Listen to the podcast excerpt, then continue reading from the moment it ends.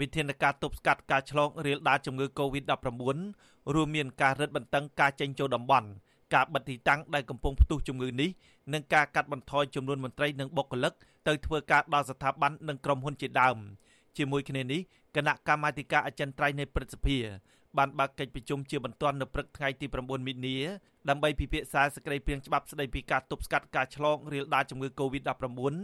និងជំងឺឆ្លងកាចសាហាវប្រកបទៅដោយគ្រោះថ្នាក់ធ្ងន់ធ្ងរ និងបានសម្រេចបញ្ជូនទៅគណៈកម្មការជំនាញរួចរាល់ហើយអ្នកនាំពាក្យព្រឹទ្ធសភាលោកមុំមុននាង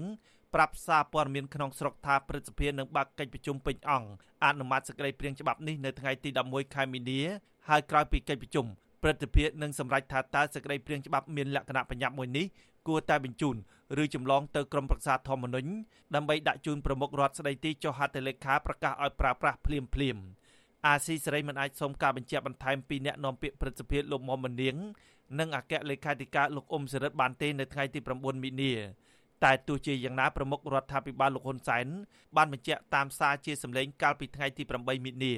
ស្នើសុំឲ្យប្រធានព្រឹទ្ធសភាស្ដីទីលោកសឹមការរកវិធីយ៉ាងណាត្រូវពិនិត្យអនុម័តសេចក្តីព្រាងច្បាប់នេះឲ្យបានលឿន សេចក្តីព្រាងច្បាប់នេះមានគោលបំណងទប់ស្កាត់ការរាលដាលជំងឺ Covid-19 ហាមឃាត់សកម្មភាពប្រជាពលរដ្ឋមួយចំនួន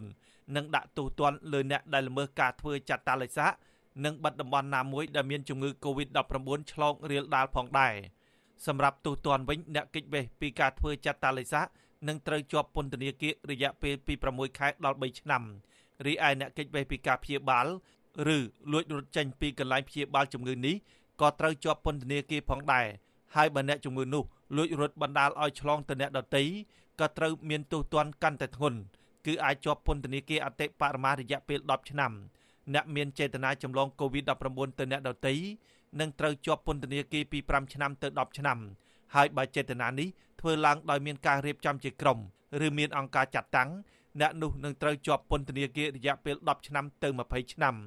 លោកហ៊ុនសែនក៏បានបញ្ជាឲ្យស្ថាប័នជាតិធំធំចំនួន3កាត់បន្ថយមន្ត្រីទៅធ្វើការឲ្យសល់10%នៃចំនួនសរុបរយៈពេល7ថ្ងៃដើម្បីកាត់បន្ថយហានិភ័យការរាលដាលជំងឺ Covid-19 លោកនាយករដ្ឋមន្ត្រីក៏បានស្នើសុំឲ្យវិស័យឯកជនកាត់បន្ថយបុគ្គលិកហើយធ្វើការផ្លាស់ប្តូរវេនគ្នាដើម្បីបញ្ជៀសបញ្ហាមនុស្សកកកុញនៅកន្លែងធ្វើការនិងនៅតាមផ្លូវត្រូវផ្អាកឬលើកពេលកម្មវិធីជួបប្រជុំដែលមិនចាំបាច់ទាំងអស់តែលោកមិនទាន់បានប្រកាសឲ្យបិទឬផ្អាកដំណើរការរោងចក្រ ផ្សារឬកន្លែងប្រកបអាជីវកម្មទេដោយគ្រាន់តែតម្រូវឲ្យអនុញ្ញាតវិធានការអនាម័យនិងរក្សាគម្លាតសុវត្ថិភាពនៅថ្ងៃទី9មិនិនានេះដែរលោកហ៊ុនសែនបានចេញសារសម្លេងប័ណ្ណបញ្ជាមួយទៀតតម្រូវឲ្យអភិបាលរាជធានីខេត្តទាំងអស់ត្រូវពិនិត្យឲ្យបានច្បាស់លាស់អំពីការបិទឬក៏ការបើកទីតាំងជាប់ពាក់ព័ន្ធជំងឺ Covid-19 ក្នុងករណីដែលធ្វើតេស្តឃើញអវិជ្ជមានក៏សូមឲ្យគេបើកដំណើរការនៅទីកន្លែងនោះដើម្បីជៀសវាងការបិទដោយគ្មានទីបញ្ចប់ហើយអ្នកដែលចេញទៅធ្វើការក៏ចេញមិនបានត្រូវជាប់ចាត់តលេខសាយើងមិនត្រូវមើលស្រាលអំពីបញ្ហាពេលវេលានោះទេ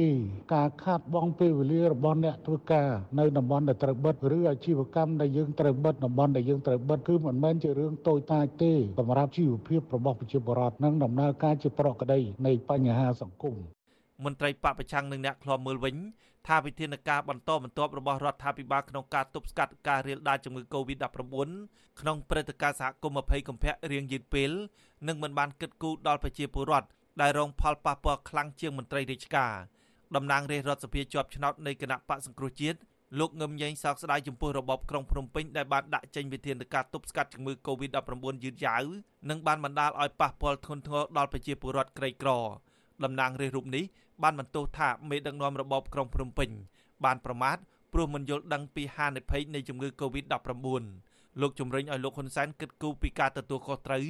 ចំពោះជីវភាពរបស់ប្រជាពលរដ្ឋជាជាងឆក់ឱកាសបង្ខំបង្កាត់ច្បាប់ក្នុងចេតនាបំបត្តិសិទ្ធិសេរីភាពនិងដាក់កំណត់ទោសទណ្ឌធ្ងន់ធ្ងរលើប្រជាពលរដ្ឋ អញ្ចឹងយើងគិតមើលគេគឺគេគិតថាធ្វើមកជួយប្រជាជនគេឲ្យរស់នៅបានស្រួលមិនមែនគិតរឿងបង្កើតច្បាប់ដើម្បីដាក់ទោសទណ្ឌប្រជាជនគេទេហើយហ៊ុនសែនគឺធ្វើអីផ្ទុយពីគេអត់គិតអំពីភាពរស់នៅអត់គិតអំពីជីវិតរស់នៅរបស់ប្រជាជនក្រោមការដឹកនាំរបស់ខ្លួនហើយគិតតែពីបង្កើតច្បាប់ដើម្បីដាក់ទោសទណ្ឌប្រជាជនរបស់ខ្លួនឯងទៅវិញអាហ្នឹងវាជារឿងមួយឲ្យអស់សំណើចហើយនឹងឈឺចាប់សម្រាប់ប្រជារាស្ត្រខ្មែរចំណែកឯតំណាងកម្មករធ្វើការក្រៅប្រព័ន្ធវិញចង់ឲ្យរដ្ឋាភិបាលបន្ថែមការគិតគូរ ជួយទំនុកបំរុងដល់ប្រជាពលរដ្ឋក្រីក្រឲ្យទទួលបានការឧបត្ថម្ភខ្លះដោយមន្ត្រីរាជការដែលមានបៀវត្សប្រចាំខែដែរ